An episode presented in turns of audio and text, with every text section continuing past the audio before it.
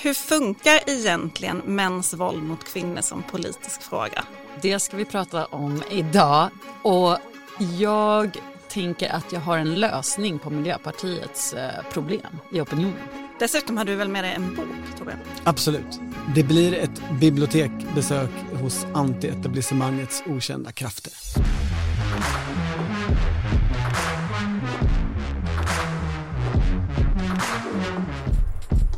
Här är Politiken med Annie Reuterskiöld, Maggie Strömberg och Torbjörn Nilsson.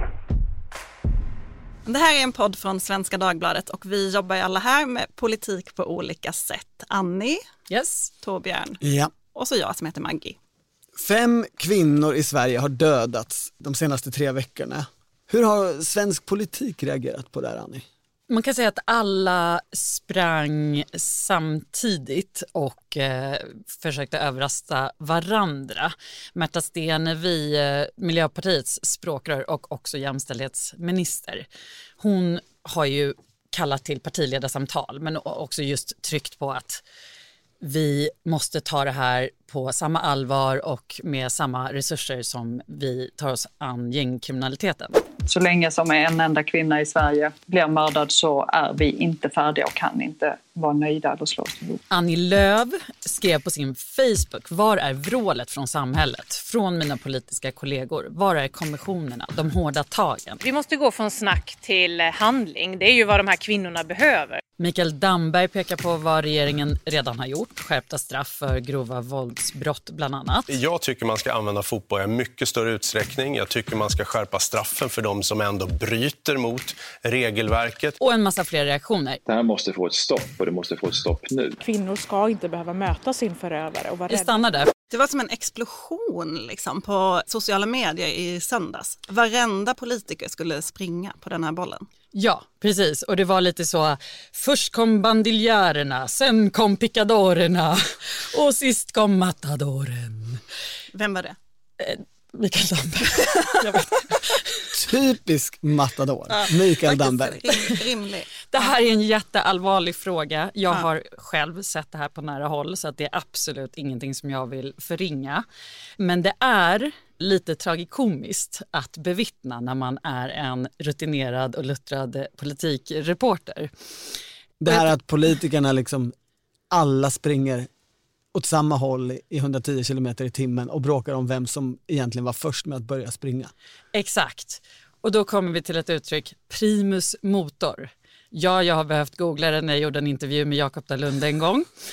Miljöpartist i Yes. Europaparlamentet. Exakt. Men det är faktiskt ett ganska bra uttryck och det betyder att vara en rörelses första upphov. Det passar verkligen in här. För om man ska vara cynisk så är ju det här en ganska perfekt politisk fråga. Ingen tycker om mäns våld mot kvinnor. Alla vill locka kvinnliga väljare. Det finns också ett sätt att liksom, man behöver inte frångå en annan favorit i röstfiske, nämligen hårdare straff. Problemet är väl att det inte finns någon vidare konflikt. Det behövs ju alltid en konflikt. En partipolitisk konflikt så att säga. Precis. Och då tänker jag att då blir det extra viktigt att vara först. Och det är det vi har sett här. Att eh, nu har alla börjat eh, dividera om vems förslag det är som egentligen har lagts först i riksdagen och vem har röstat ner på vilket förslag. Och det handlar ju om att det är så pass viktigt att vara den som först drar ut i strid för detta. För det var ju intressant, Annie Lööf som ju skrev det där första Facebook-inlägget, tror jag att det var i alla fall. Hon var först på Facebook. Ja, men hon har ju verkligen eh, claimat det hela veckan sen och lagt upp på Instagram flera gånger hur hon kände när hon skrev det där, varför hon skrev det där, att hon är så glad att de andra har reagerat på det hon skrev. Det har handlat otroligt mycket om hennes inlägg, nästan mer än om våld mot kvinnor i liksom det, hela Centerpartiets kommunikation. Till hennes försvar kan man ju faktiskt säga att hon har tagit upp de här frågorna ganska konsekvent i både partiledardebatter och i sina egna jultal och, och när det handlar om trygghetsfrågor och just dragit eh, parallellen med att det här är också en trygghetsfråga som ofta glöms bort. För Moderaterna är ju nu arga på Centerpartiet och även på Miljöpartiet Socialdemokraterna för att de har röstat nej då till vissa av deras motioner. Precis, och det är just där vi hamnar i att varför det här blir också en så intressant politisk fråga. Det belyser verkligen hur politik fungerar mycket. För då kommer Moderaterna och säger att ja, men vi har ju lagt en massa förslag år för år i riksdagen. Moderatkvinnorna gick till och med så långt att de skrev en debattartikel som hette Miljöpartiet röstar nej till skärpta straff för kvinnoplågare gång på gång. Det här handlar ju om jag ska säga först kanske att eh, Miljöpartiet och Moderaterna har väldigt lika förslag just nu för att eh, möta det här problemet. När man pratar med en miljöpartist och när man pratar med en moderat i ett bakgrundssamtal så hör man samma förslag. Men varför regeringen ofta röstar nej på en motion det har ju inte så mycket att göra med om de tycker så eller inte utan en motion, det, det kanske är bra att förklara lite hur det funkar. Ja, men det är ju kutym i utskotten, att man röst, eller i riksdagen överhuvudtaget, att man röstar på sina egna förslag. Och här har partierna uppenbarligen inte pratat ihop sig utan man har då lagt olika motioner år efter år som inte har blivit en sammanhållen politik som man har lyckats samla en majoritet bakom. Ja, precis. Och det händer ju faktiskt ofta att regeringen till och med inte röstar på sina egna förslag eftersom en motion är ändå ett förslag till regeringen och då blir det ju lite onödigt att eh, ge ett förslag till sig själv. Så det är mycket liksom i hur riksdagsarbetet funkar som här används i det politiska spelet skulle man kunna säga. Mm. För det, och det känner vi igen från EU-parlamentet också. Och den här politikern har röstat nej eh, hundra gånger mot någonting som man trodde att den kämpade för. Och det har väldigt ofta administrativa anledningar. Men jag tror det blir obegripligt för många som betraktar detta utifrån och som är så men ni är ju alla överens. Varför finns inte bara de här verktygen på plats då? Ja men är man för cynisk om man tänker att den här veckan har det liksom handlat om att visa upp sig mer än att faktiskt göra någonting åt kvinnovåldet? Det finns ju någonting i, alltså det här vi pratade om först, att alla springer på samma boll. Så, är det ju, så fungerar ju både politiker och medier och de förstärker varandra. Förra gången den här frågan var jättestor var ju när SVT släppte den där dokumentären om Josefin Nilsson. Då var det ju samma sak, då talade politikerna ganska mycket om det ett tag. Det var ju samma sak i somras när, när den här unga tjejen blev ihjälskjuten i gängvåldet. Då kom ju det plötsligt upp på agendan efter att ha varit borta ganska länge.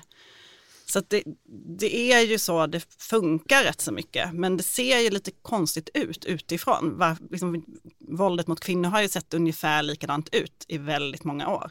Ja, precis. De senaste 20 åren är det ingen direkt skillnad i hur många som döms, även om samtyckeslagen har varit effektiv så är det liksom. Mm, och eh, den där alltså, grov kvinnofridskränkning, det sättet att liksom, titta på våld mot kvinnor, alltså att man kan då döma som en helhet istället för varje enskild handling, det är ju också en lagstiftning som många kvinnojourer är jätteglada för, som polisen är glad för, som typ utländska, alltså andra länder kommer och tittar och vill studera och kopiera och sådär. Så men sen så finns det ju då prata om att skärpa de straffen. Men i grunden har man ju en ganska effektiv lagstiftning i Sverige som jag förstår, alltså vad politiker och kvinnojourer tycker. Men sen så handlar det om dels hur långa straffen är, vilket får betydelse för vilka verktyg polisen har. Men också vad händer i nästa led? Vad händer i kontakten med myndigheterna? Det här uppmärksammade fallet i Linköping, då var de ju båda bokade på möte med socialen samma dag och det blev väldigt lätt för dem att mötas. Det kanske man inte ändrar med lagstiftning, det är kanske svårt att lösa i riksdagen.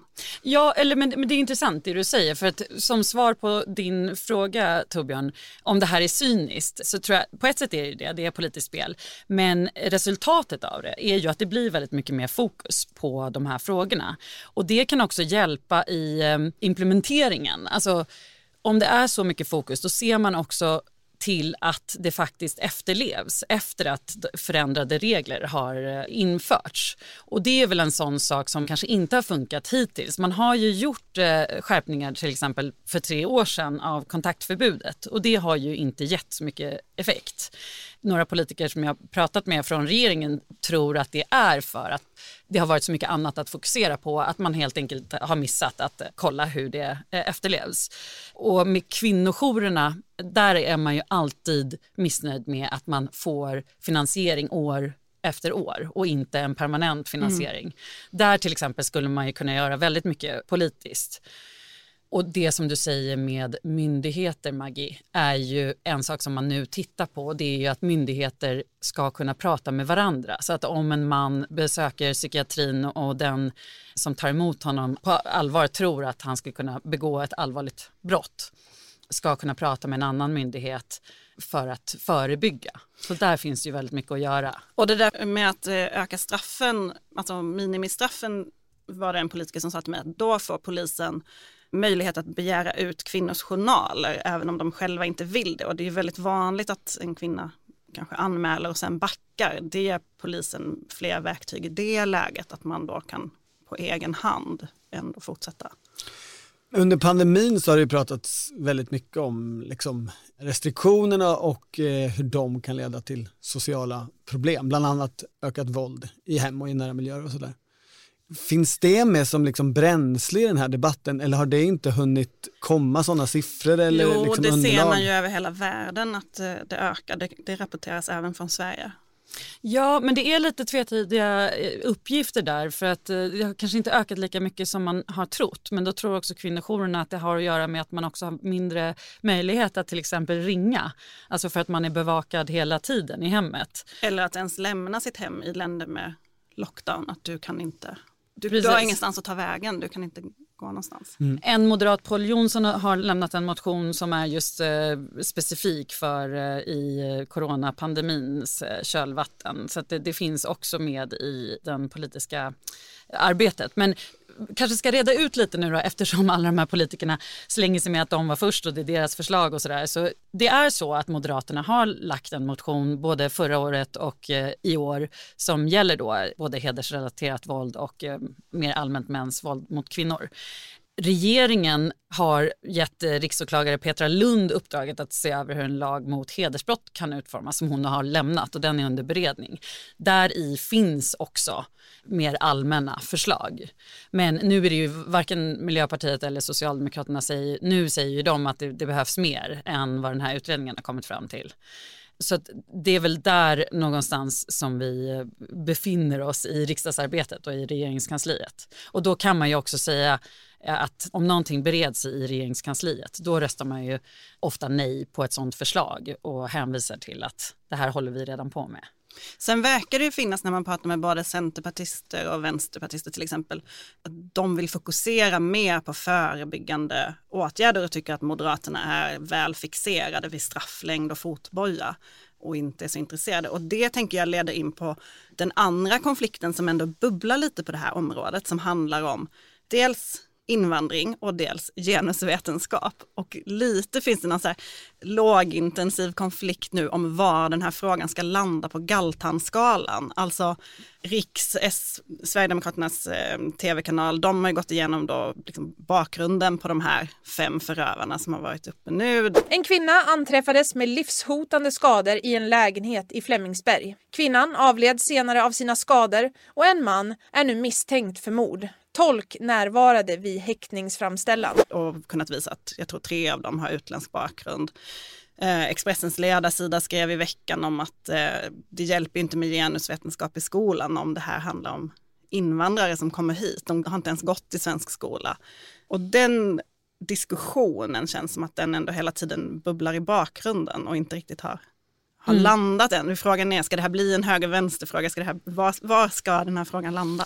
Det där är väldigt intressant sett utifrån hur liksom viktigt ja, men kriminaliteten i stort, skjutningar, gängkriminaliteten och så, har varit för att liksom hålla liv i migrationsfrågan i Sverige. Och kan man liksom addera mäns våld mot kvinnor som alla avskyr, minst lika mycket som gängkriminalitet, så, så liksom får man ju ytterligare bränsle under sin tandbrasa. Jo men och lite på samma sätt kan man få känslan av att den andra sidan vill lyfta just den här typen av brott för att säga brottslighet handlar inte bara om gäng och migration utan det finns det här också, eh, Mm. det feministiska, sexistiska perspektivet. Men sen så flyttas då frågan fram och tillbaka. Det är kanske dem. där den politiska konflikten kommer in. Ja. Den enda som inte har uttalat sig än är väl Jimmy Åkesson. Jo, han skrev eh, något långt på Twitter igår om att de har lyft den här frågan länge och att problemen är importerade till stor del. Och att de är de enda som under lång tid har sagt att problemen är först. importerade. Vi var först med att säga importproblem. Jag pratade med en moderat igår som menade att det ändå inte har skett någon förändring de senaste 20 åren i liksom antal och i mängd. Det skulle ju då kunna vara någonting som var ett argument emot eh, om man stirrar sig blind på 2015 till exempel. Ett förslag som jag tycker är intressant som man kan dra paralleller till gängkriminaliteten är ju det förslag som man redan har genomfört eh, att man får två års eh, vad heter det, eh, fängelse.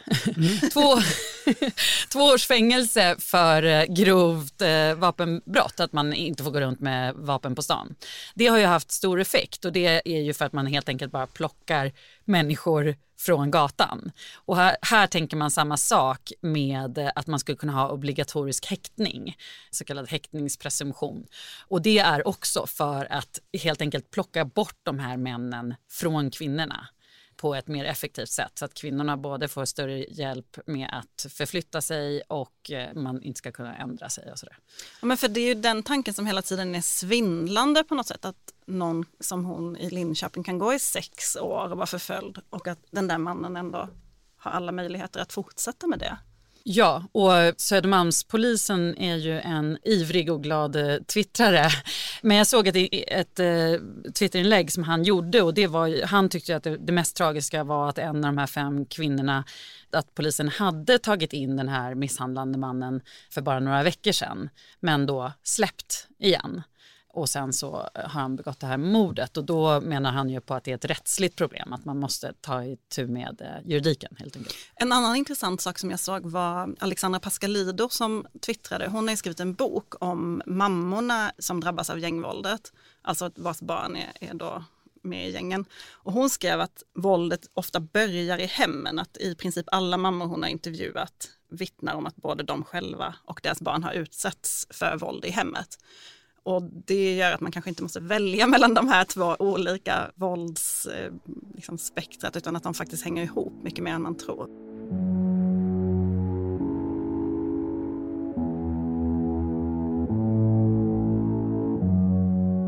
Vi har alltså nått punkten nytt från Torbjörn Nilssons bibliotek.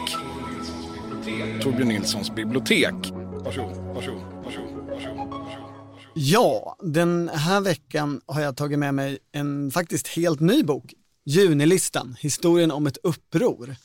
En Timbrobok som Nils Lundgren och Eva Nisser har skrivit. Alltså Junilistans Två- partiledare med hustru, Med hustru, ja. partisekreterare. Ja, Eva Nisser var ju partiets hela organisation kan man säga. Hon gjorde det mesta faktiskt och sen så var Nils Lundgren partiledare och Lars Wohlin var sidekick.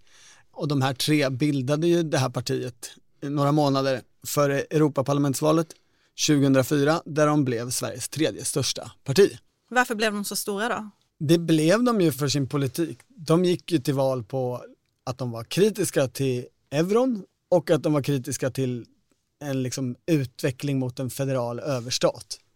Och det fanns det ju stöd för på den tiden och engagemang för. Den är ny men du har gjort eh, allt för att förstöra sidorna så mycket som möjligt med hundöron. Det har bland annat läckt ut en vattenflaska på det här Du har exemplaret. också öppnat den slarvigt så att den har blivit helt sned i ryggen. Ja. ja. Jag kan göra det för jag har en viss frustration över den här boken. Det är lite tut i egen lur det här. Jag förekommer en del i den här boken och ett reportage som jag skrev där veckan efter det där EU-valet är liksom återpublicerat. Jag var ju inbäddad reporter för DNs räkning i hela det här partibildningsprojektet och liksom följde dem inifrån i fem månaders tid. Då kan man inte skriva allt man vill om man är Nej, inbäddad. nej, di- nej, tvärtom. Dealen var, jag fick inte skriva någonting om junilistan före valdagen. Det var dealen åt alla håll, både i tidningen som alla på tidningen kände till och det var också dealen mot junilistan. Detta är det närmsta någon har kommit ordförande Persson sen ordförande Persson-projektet alltså. Ja, ordförande Persson-projektet låg ju nära i tiden där och jag, jag var ung och eh, Men ganska nu ska inte kass. detta handla om dig. Nej, nej, nej, men jag vill lite, få men- det sagt för alla som läser det gamla repet att det är ju inte särskilt bra och det vet jag. Jag känner till det. Poängen med den här boken, Nils Lundgren och Eva Nissers poäng är väldigt mycket att först säga, vi var inte ett populistiskt parti. Vi var inte ett etablissemangsparti och sen så berättar de hela partiets historia genom att skälla på alla som var emot dem och som stängde vägar och som bildade karteller och som var ett EU-etablissemang mot dem. Så det, det är liksom bokens innehåll. Det här gänget var ju liksom superelitmänniskor i Sverige som bildade ett parti och som ingen trodde skulle komma någonstans. Det intressanta när man tänker på den här tiden, alltså 2003 när det var euroomröstning och det här gänget vann med nej-sidan och 2004 året därpå där det var EU-val är ju att det är en så konstig period i svensk politik när den Göran Perssonska eran är på nedgång innan den Reinfeldtska alliansepoken riktigt har startat. Och där den här typen av antietablissemang eller liksom folk mot den samlade politiska eliten och galtanfrågor träder fram.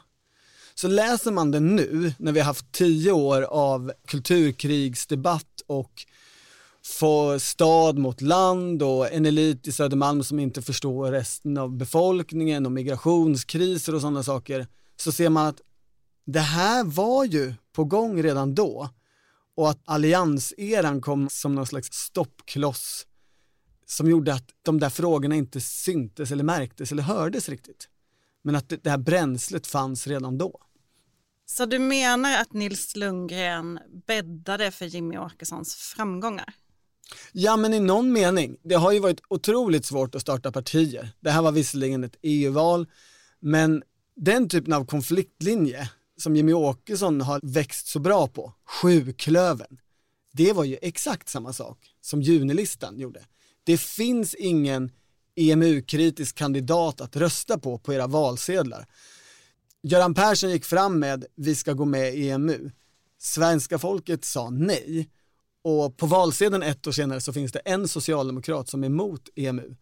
Men hon är gömd på baksidan av valsedeln. Hon står så långt ner i ordning så att hon hamnar på baksidan. Det var ju verkligen en sjuklöver eller sexklöver eller hur många partier det nu var på den tiden höll jag på att säga. Men är det också så att det bara var en massa gubbar eller är det min fördom om junilistan?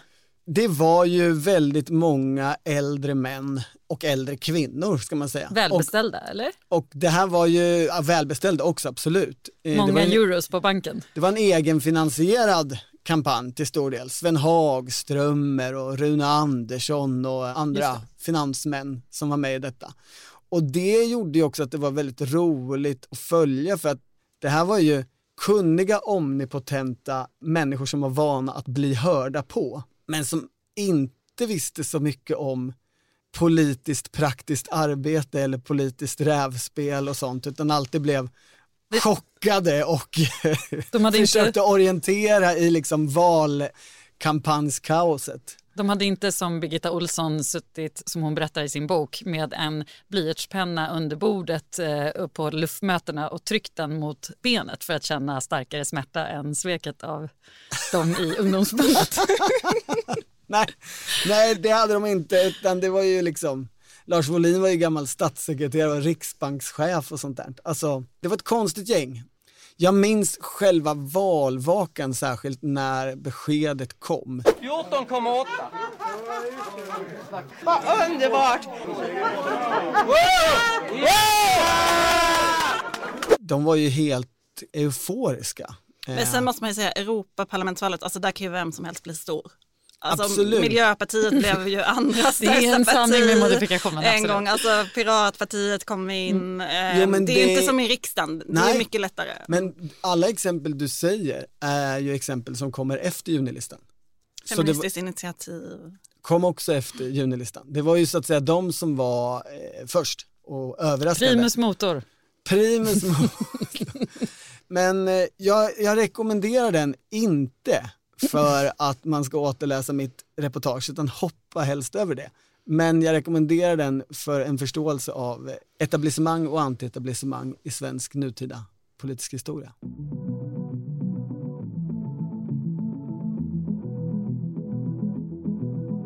Politiken är en podd från Svenska Dagbladet och om man vill läsa den tidning som Svenska Dagbladet är och som vi skriver i så finns det ett särskilt erbjudande för den som lyssnar på vår podd. Ja, du får eh, en digital prenumeration i två månader utan kostnad. Och då kan man alltså läsa allting på svd.se och i appen och få tidningen i digital format. Och fem familjedelningar. För att ta del av det här erbjudandet så går man in på svd.se politiken.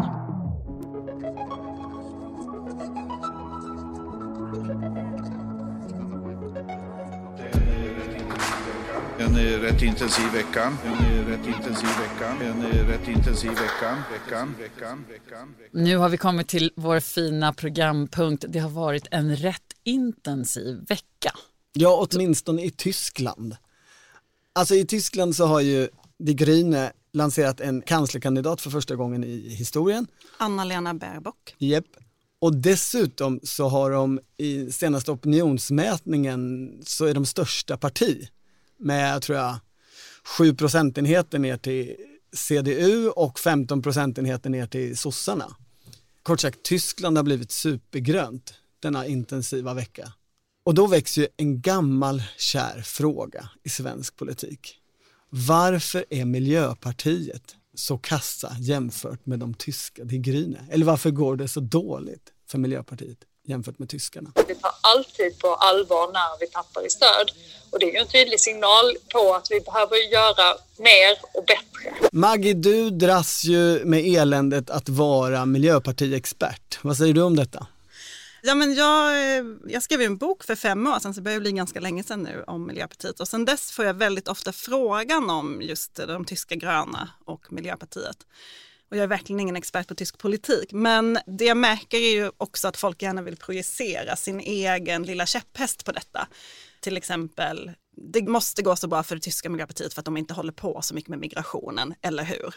Typ så. De som Vä- vill att väldigt vanligt. Miljöpartiet i Sverige inte ska fastna i migrationsfrågan. Precis, Mm. Eh, men man kan säga så här, om man jämför De Grünen och Miljöpartiet nu, och det gör ju miljöpartisterna väldigt mycket själva, de håller ju på hela tiden och skriver rapporter om detta och granskar för att de ju själva vill ju förstås vara med om samma sak. Men det som har hänt med De Grüne är ju att de har alltid varit otroligt splittrat parti. Det här konflikten Fundis Realos som också finns i Sverige är mycket starkare i tyska Miljöpartiet. Och de har alltid haft ett språkrör från vardera falang, vilket har skapat jättemycket splittring. Nu har de istället två realos språkrör med ganska högt förtroende hos näringslivet till exempel, någonting som Mm. eh, svenska miljöpartiet ju inte har, de kommer ofta långt ner på sådana listor. Men framförallt har man då blivit ett seriöst, riktigt alternativ. Man är också väldigt stor lokalt, det är inte svenska miljöpartiet längre. I Tyskland sitter man i alltså flera av de lokala regeringarna, i Sverige är man ju i princip utraderad lokalt.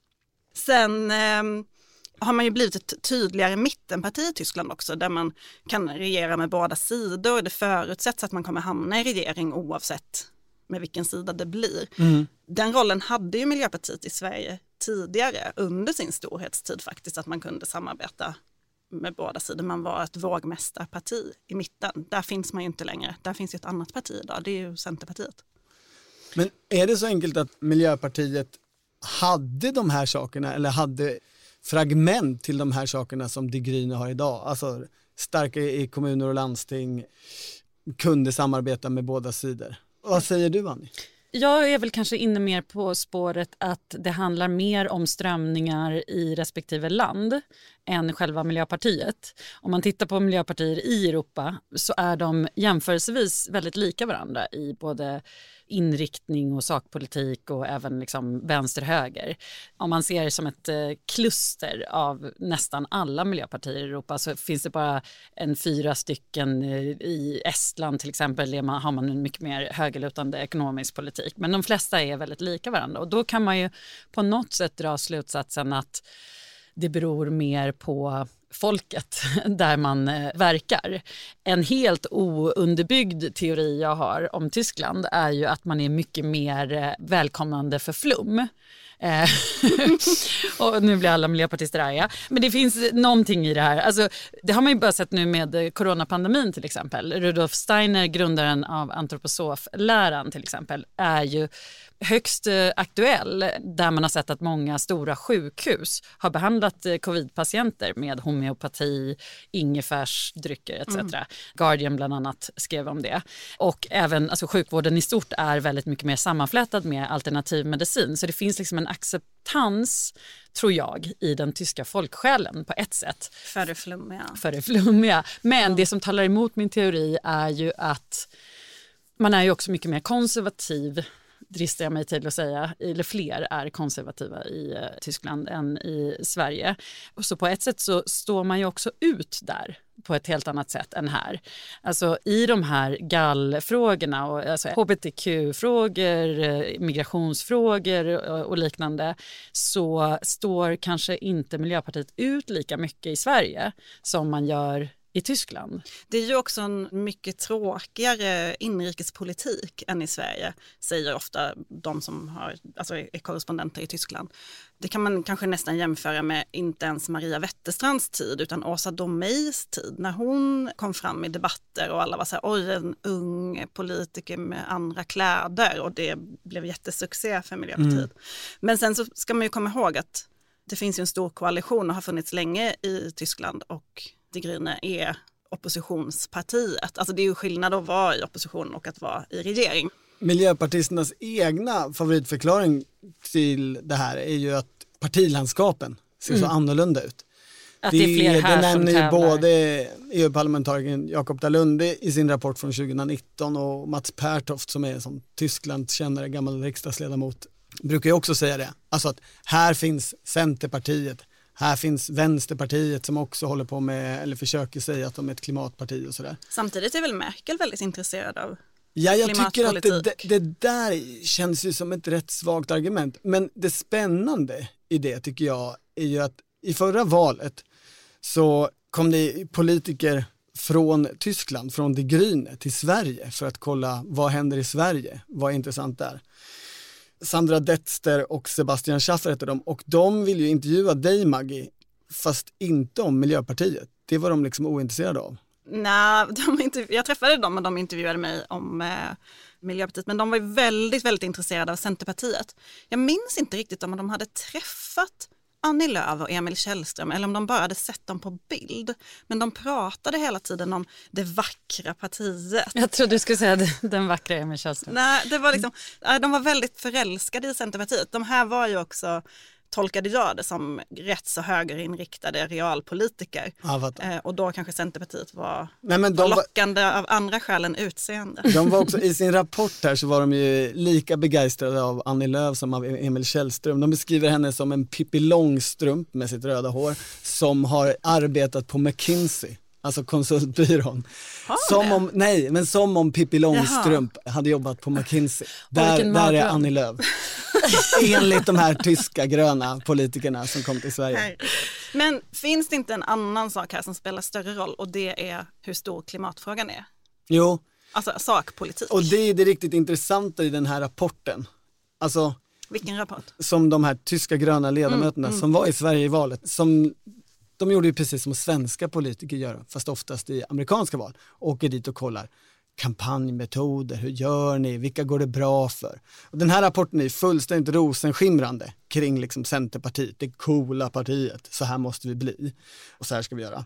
Men den stora grejen som de liksom noterar storökt när de är i Sverige är ju att migrationskrisen lever kvar. Alltså ungefär samma utgångsläge och problem 2015 men i Tyskland så är det som att man har kastat av sig migrationskrisen i mycket högre utsträckning politiskt. Om Sverige skriver hon så här, Das politische Klima ist seit der Flyktingskrise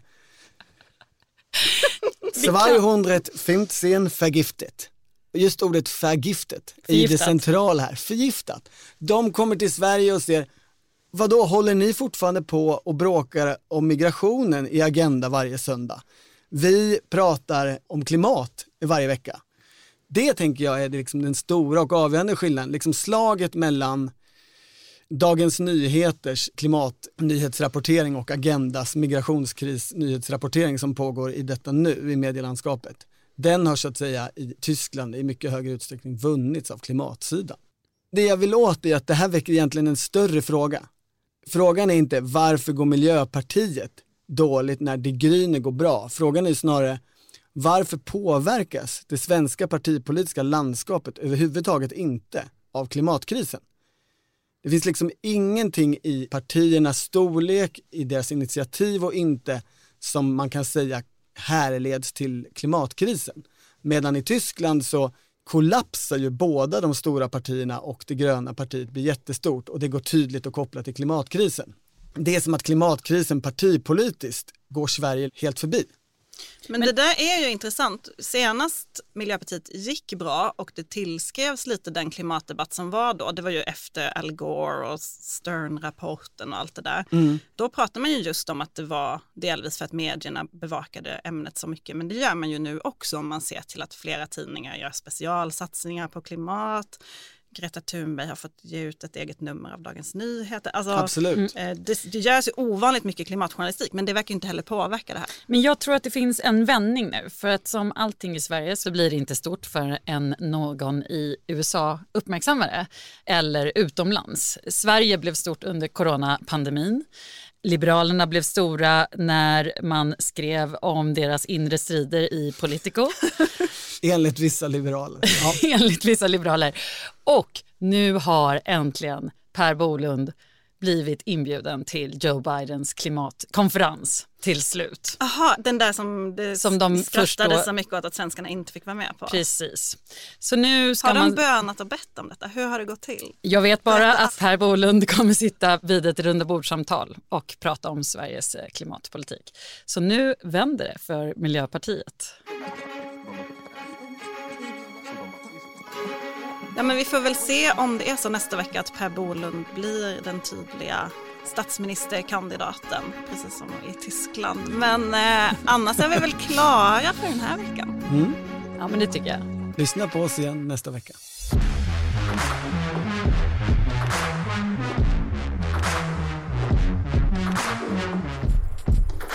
Du har lyssnat på Politiken, en podd från Svenska Dagbladet. Ansvarig utgivare är jag, Anna Kareborg.